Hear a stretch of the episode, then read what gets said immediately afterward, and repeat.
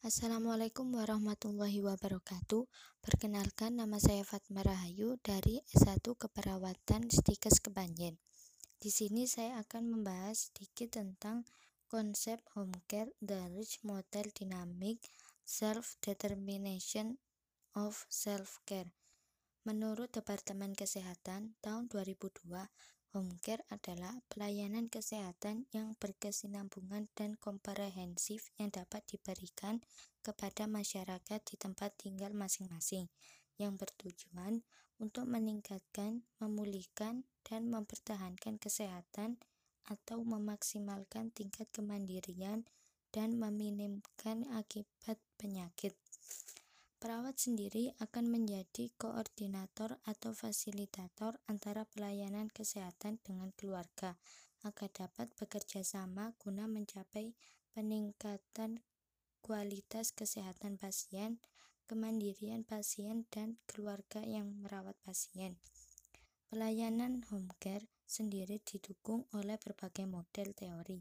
Salah satunya yaitu teori dari model yaitu Dynamic Self-Determination of Self-Care.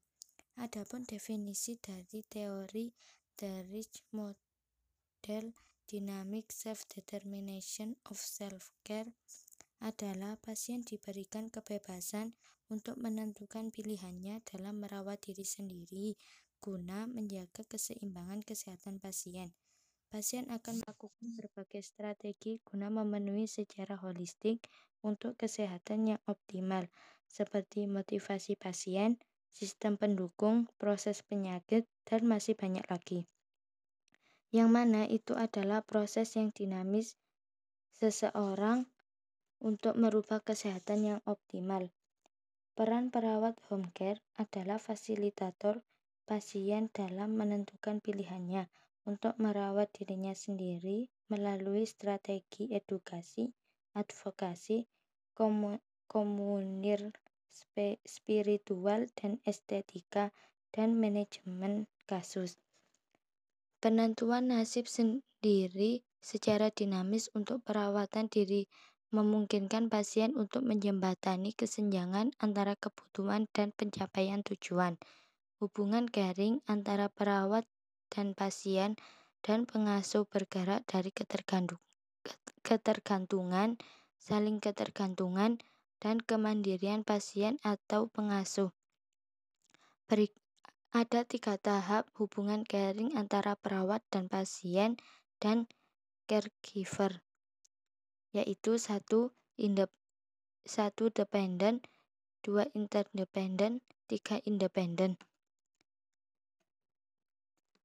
The Dynamic Self-Determination for Self-Care memiliki beberapa permis, yaitu antara lain satu setiap orang memiliki pengaruh yang besar terhadap kesehatan masing-masing. Yang kedua, kesehatan yang optimal mengacu pada level fungsional tertinggi dan multidimensional.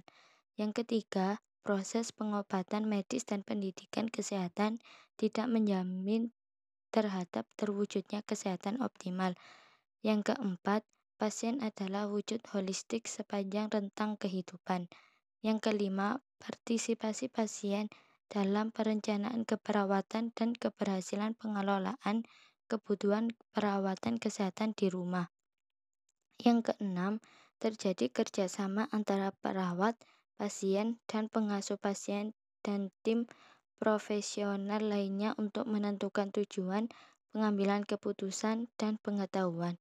Yang terakhir, pasien atau pengasuh berbagi tanggung jawab dalam merawat pasien yang difasilitasi oleh perawat home care.